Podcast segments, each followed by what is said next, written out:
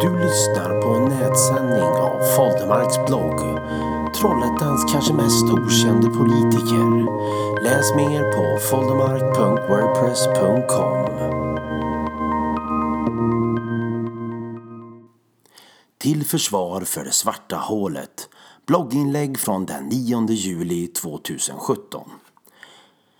För en tid sedan fick jag lite kritik av en representant från en lokal PR-byrå. Personen hade använt min blogg som ett gott exempel i en presentation för ett annat lokalt parti. Personen gillar min profil men beklagar sig över att jag var så hatisk. What? Jag som är så snäll och gullig tänkte jag. Det är nämligen inte lätt att endast vara kärleksfull och prata om vädret. Speciellt inte när min största svaghet är när moderater får stå obesvarade. Det blir inte bättre av att Socialdemokraterna är oroväckande tysta. Trots politisk sekreterare och allt. Det är faktiskt en skam att en sketen vänsterpartist ska behöva gå in och bemöta det borgerliga dravlet i sin lilla blogg. Som i och för sig dubblade antalet läsare mellan 2015 och 2016. Från morsan och svärmor till att Dan Möllengård och Lasse Henriksen SD läst minst ett inlägg.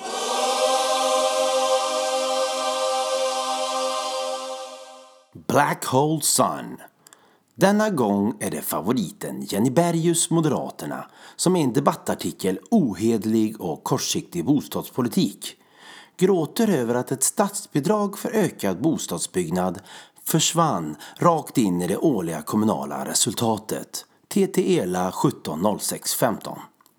Jag är inget proffs, men om jag fattat det hela rätt handlar det om en byggbonus till de kommuner som anstränger sig för att bygga fler bostäder och som dessutom tar emot många nyanlända, för att citera självaste bostadsministern. Trollhättan fick alltså 18 miljoner för saker vi redan gjort, inte för att vi suger som Bergius vill ge sken av.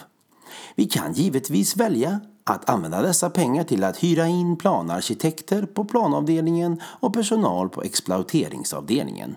Observera att jag skriver hyra in. Det är nämligen temporära pengar, inget vi räknat in i kommunens budget eller liknande.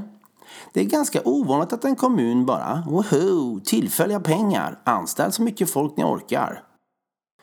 För er som kan lite ekonomi vet att pengarna inte bara försvann in i det svarta hålet som Bergius så målande beskriver det. Det är helt korrekt att bonusen gick in i det kommunala resultatet men där bidrog de till ett överskott vilket passar fint till investeringsbudgeten framöver. Den som spar, den har.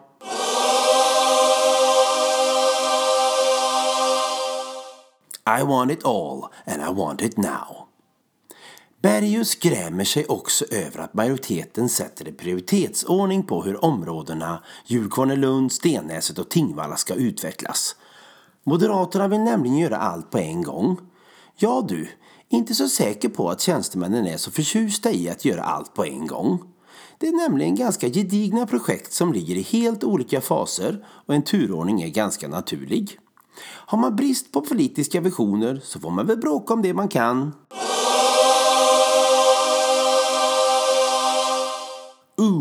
I like it. Måste ändå säga att det är kul att Bergius håller på och debatterar. Att Moderaterna äntligen fått en politiker som verkar kunna skriva och tänka. Det har jag saknat.